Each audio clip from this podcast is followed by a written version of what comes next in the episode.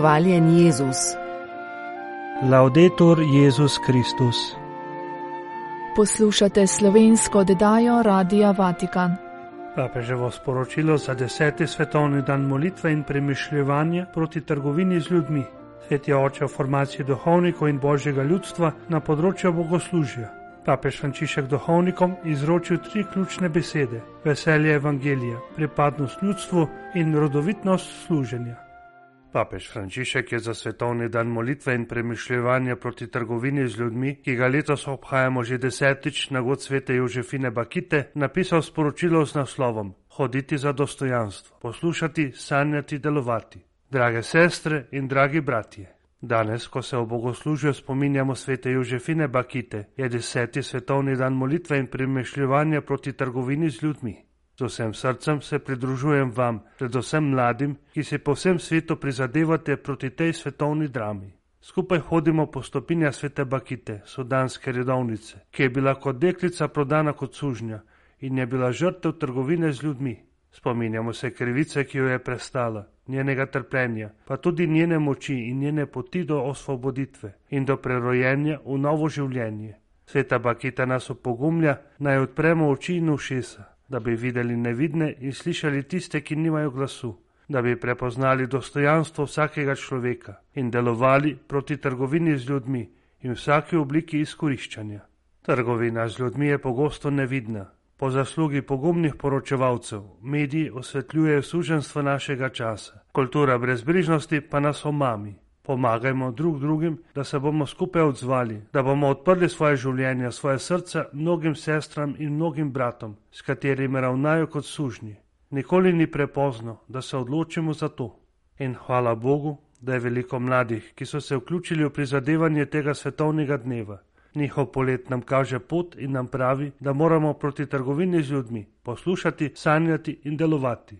Poglavitno je, da imamo sposobnost poslušati tistega, ki trpi. Mislim na žrtve spopadov, vojne, na tiste, ki so jih prizadele posledice podnebnih sprememb, na množice prisilnih migrantov, na tiste, ki so predmet spolnega ali delovnega izkoriščanja, zlasti na ženske in deklice. Presluhnemo njihovemu kriku na pomoč, Pustimo se izvati njihovim zgodbam in skupaj z žrtvami in mladimi spet sanjajmo svet, v katerem bodo ljudje lahko živeli v svobodi in dostojanstvu. In potem, sestre in bratje, moramo z močjo duha Jezusa Kristusa te sanje s konkretnimi dejanji proti trgovini z ljudmi spremeniti v resničnost. Zavežemo se, da bomo molili in delovali za to zadevo dostojanstva moliti in delovati tako osebno v družinah, v župnijskih in redovnih skupnostih, v združenih in crkvenih gibanjih, pa tudi v različnih družbenih okoljih, v politiki. Vemo, da je mogoče nasprotovati trgovini z ljudmi, vendar moramo priti do korenine tega pojava, izkoreniniti njene vzroke. Zato vas podbujam, da na ta poziv k preobrazbi v spomin svete Jožefine Bakite, ki je simbol tistih, ki so žal zaslužnjeni, pa še vedno lahko ponovno pridobijo svobodo. Gre za klic, naj ne ostanemo negibni, naj mobiliziramo vse svoje vire v boju proti trgovini z ljudmi in vračanju polnega dostojanstva tistim, ki so bili njene žrtve. Če bomo zapirali oči in ušesa, če se ne bomo zganili, bomo sokrivci. Presrčno se zahvaljujem in blagoslavljam vse vas, ki delate za ta svetovni dan, in blagoslavljam vse tiste, ki si hočejo prizadevati proti trgovini z ljudmi in proti vsem oblikam izkoriščanja, da bi gradili svet bratstva in miru. Sveti oče je sprejel audienco udeležence plenarnega zasedanja dikasterija za bogoslužje in disciplino zakramentov. V ospredju govora je bil povdarek na pomembnosti liturgične formacije, ne samo za duhovnike, ampak predvsem za božje ljudstvo. Na začetku govora je papež spomnil na koncilsko konstitucijo o svetem bogoslužju Sancrosanctum Concilium, ki je šla pred 60 leti ter izpostavil uvodne besede, s katerimi so koncilski očetje opredelili namen tega cerkvenega zbora. To so cilji, ki opisujejo natančno željo po reformi cerkve v njenih temeljnih razsežnostih pomagati, da bi krščansko življenje vernikov iz dneva v dan bolje raslo, ustanove, ki se spreminjajo, bolje prilagoditi potrebam našega časa, spodbujati tisto, kar lahko prispeva k združitvi vseh vernikov v Kristusu, ponovno okrepiti tisto, kar pomaga poklicati vse v naročje cerkve. Gre torej za temeljito delo duhovne, pastoralne, ekumenske in misionarske prenove. In da bi to dosegli, so koncilski očetje vedeli, kje morajo začeti. Vedeli so, da se morajo na poseben način posvetiti tudi reformi in pospeševanju liturgije. To je tako, kot da bi rekli, brez bogoslužne reforme ni reforme cerkve. Po papeževih besedah lahko nekaj takega trdimo le, če razumemo, kaj je bogoslužje v teološkem smislu, kot je to dobro povzeto na začetku konstitucije. Cirkev, ki ne čuti gorečnosti za duhovno rast, ki ne poskuša na razumljiv način govoriti moškim in ženskam svojega časa, ki ne čuti bolečine zaradi ločitve med kristijani, ki ne trepeta zaradi vznemirjenosti ob oznanjevanju Kristusa narodom, je bolna cirkev. To so znamenja bolne cirkve, je izpostavil papež. Nadaljeval je, da je vsaka zahteva po reformi cerkve vedno vprašanje zaročniške zvestobe. Cerkev nevesta bo vedno lepša, bolj ko bo ljubila Kristusa ženina, vse do te mere, da mu bo popolnoma pripadala, da se mu bo popolnoma prilagodila, Koncilski očetje so vedeli, da morajo v središče postaviti liturgijo, saj je to najboljši kraj, kjer se srečamo z živim Kristusom. Sveti duh, ki je dragocena dota, ki jo je ženin sam svojim križem zagotovil nevesti, omogoča aktivno soudeležbo, ki nenehno oživlja in obnavlja krstno življenje.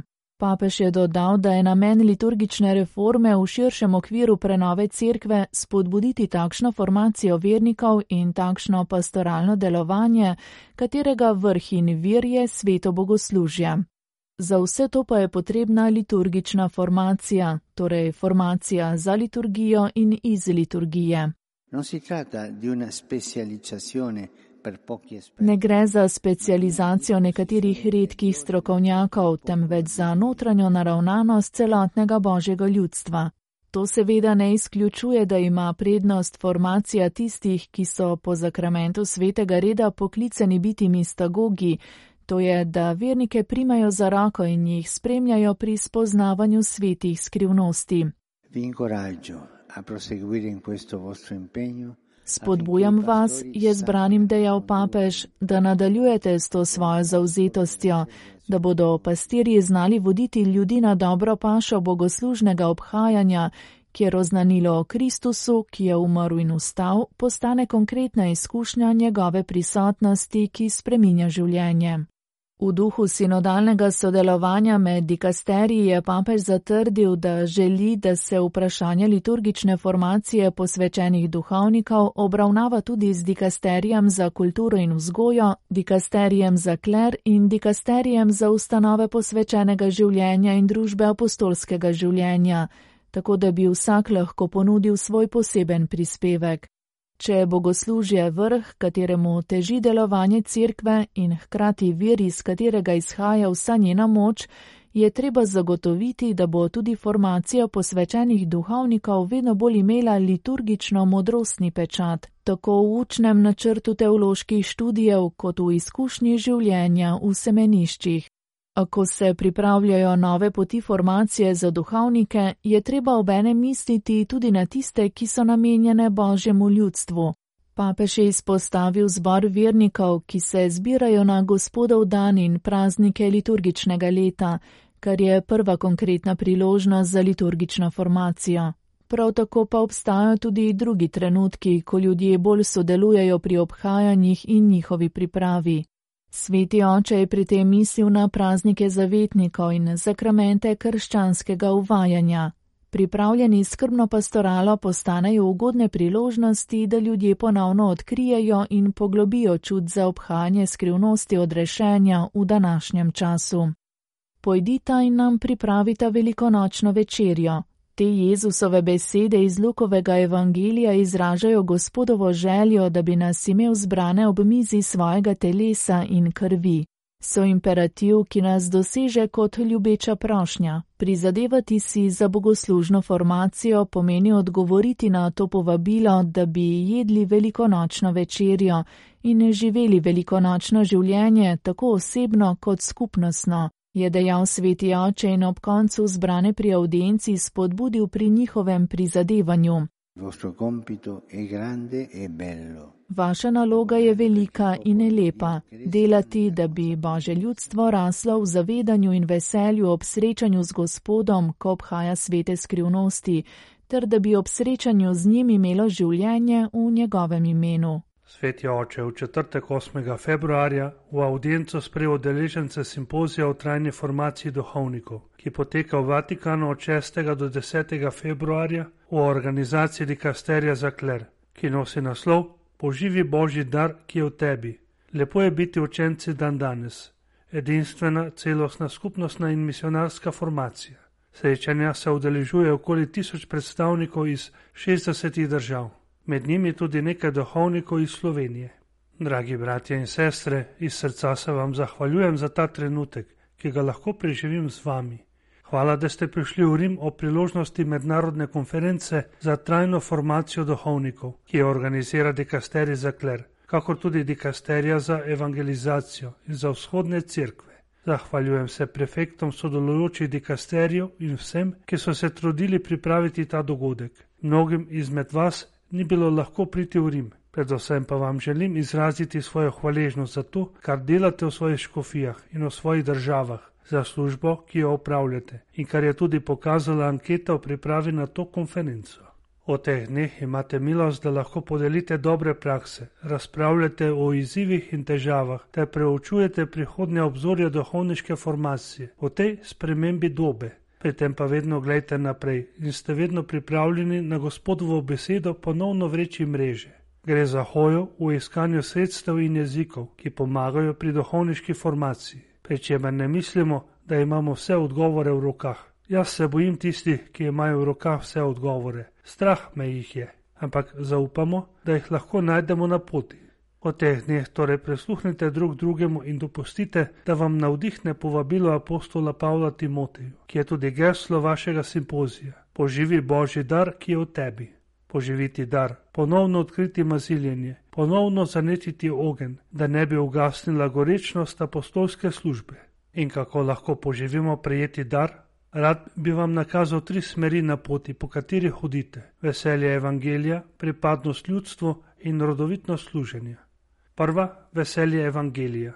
V središču krščanskega življenja je dar prijateljstva z Gospodom, ki nas osvobaja žalosti individualizma in tveganja življenja brez smisla, brez ljubezni in brez upanja. Veselje evangelija, dobra novica, ki nas spremlja, je prav to.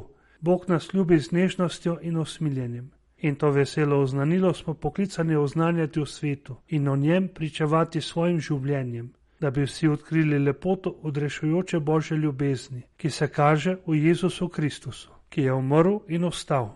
Spomnimo se, kaj je rekel sveti Pavel VI. Najprej biti priče na to učitelji, priče Božje ljubezni, ki edina šteje. In ko človek ni sposoben biti priča, je to žalostno, zelo žalostno. Tu najdemo temelj stalne formacije, ne le duhovnikov, ampak vsakega kristjana, kar poudarja tudi racijo fundamentalis, Samo če smo in ostanemo učenci, lahko postanemo božji služabniki in misionarji njegovega kraljestva. Le s prijemanjem in varovanjem veselja evangelija lahko to veselje prinašamo drugim.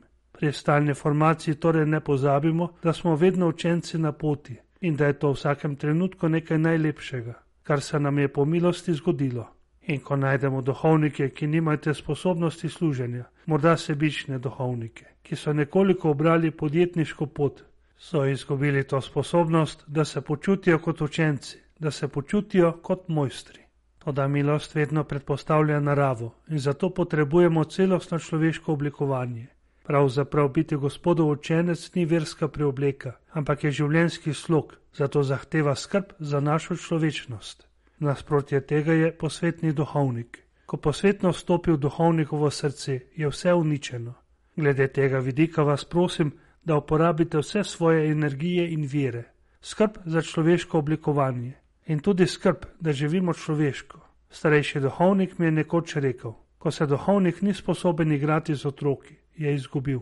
Zanimivo je, to je test. Potrebni so v polnosti človeški duhovniki, ki se igrajo z otroki in božajo starejše, sposobni dobrih odnosov, zreli za soočene z izzivi službe, da bi to lažba evangelija dosegla božje ljudstvo po njihovi človeškosti, spremenjeni v duhu Jezusa. Nikoli ne pozabimo na človeško moč evangelija. Zagrenjen duhovnik, duhovnik, ki ima britkost v srcu, je devičnik. Druga pot, po kateri je potrebno hoditi, je pripadnost božjemu ljudstvu. Samo skupaj smo lahko misionarski učenci. Duhovniško službo lahko živimo le dobro potopljeni v duhovniško ljudstvo, iz katerega tudi izhajamo. Ta pripadnost ljudstvu. Nikoli se ne počutimo ločeni od poti svetega vernega božjega ljudstva. Nas varuje, podpira v naših prizadevanjih, nas spremlja v pastoralnih skrbeh in nas varuje pred nevarnostjo, da bi se oddaljili od resničnosti in se počutili vsemogočne. Bodimo previdni, saj je to tudi korenina vsake oblike zlorabe. Da bi ostali potopljeni v resnično zgodovino ljudstva, je treba duhovniško formacijo ne pojmovati kot ločeno, ampak da bi lahko uporabili prispevek božjega ljudstva, duhovnikov in vernih lajkov, moških in žensk, ljudi v celibatu in zakonskih parov, starih in mladih, ne da bi pozabili na revne in trpeče, ki nas imajo toliko za poučiti. V cerkvi namreč obstaja vzajemnost in krožnost med življenjskimi stanovi, poklicanostjo, službami in karizmami. In to zahteva ponižno modrost učenja skupne hoje, s čimer sinodalnost postane slog krščanskega življenja in samega duhovniškega življenja. Od duhovnikov se zlasti danes zahteva, da upravljajo vaje sinodalnosti. Vedno si zapomnimo to: hoditi skupaj. Duhovnik je vedno skupaj z ljudstvom, ki mu pripada pa tudi skupaj s škofom in sobrati duhovniki. Nikoli ne zanemarjajmo duhovniškega bratstva. In glede tega vidika zedinjanja z božjim ljudstvom, Pavel opozarja Timoteja: spominjaj se svoje matere in svoje babice. Ne pozabite na svoje korenine, svojo zgodovino, zgodovino svoje družine, zgodovino svojega naroda. Duhovnik se ne rodi spontano, ali je del božjega ljudstva, ali pa je aristokrat, ki konča kot nevrotik. Na zadnje, tretja pot, ki je rodovitno služenje. Služenje je znak Kristosovih služabnikov. Učitelj nam je to pokazal vse življenje, še posebej pa pri zadnji večerji, ko je učencem umil noge. Z vidika služenja formacija ni neko zonanje dejanje, prenos učenja, ampak postane umetnost postaviti drugega v središče, izpostaviti njegovo lepoto, dobro, ki ga nosi v sebi, osvetliti njegove darove in tudi njegove sence, njegove rane in njegove želje, in zato formirati duhovnike pomeni služiti jim, služiti njihovemu življenju, spodbujati njihovo pot, jim pomagati pri razločevanju, jih spremljati v težavah in jih podpirati v pastoralnih izzivih. Tako formiran duhovnik se bo sam postavil v službo božjega ljudstva, bo blizu ljudem in kot Jezus na križu si bo naložil vse. Poglejmo ta tron, bratje in sestre, križ. Od tam nas je Gospod ljubil do konca, ustvaril novo ljudstvo in tudi mi, ko se damo v službo drugim, ko postanemo očetje in matere za tiste, ki so nam zaupani, ustvarjamo božje življenje. To je skrivnost rodovitne pastorale, ne pastorale, v kateri smo v središču, ampak pastorale, ki rojeva ščere in sinove za novo življenje v Kristusu, ki prinaša živo vodo evangelija, otla človeškega srca in sedanjega časa. Vse dobro vam želim. Vi to želim dodati in tudi nadaljevati nekaj, kar sem rekel prej.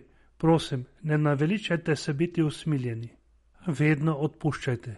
Ko ljudje pridajo k spovedi, pridajo prositi odpuščanja in ne poslušajte teološke lekcije ali pokore.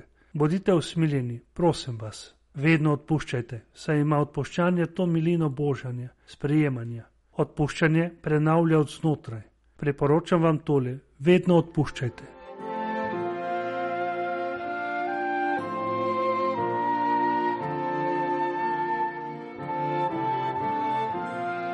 Poslušali ste slovensko oddajo Radia Vatikan.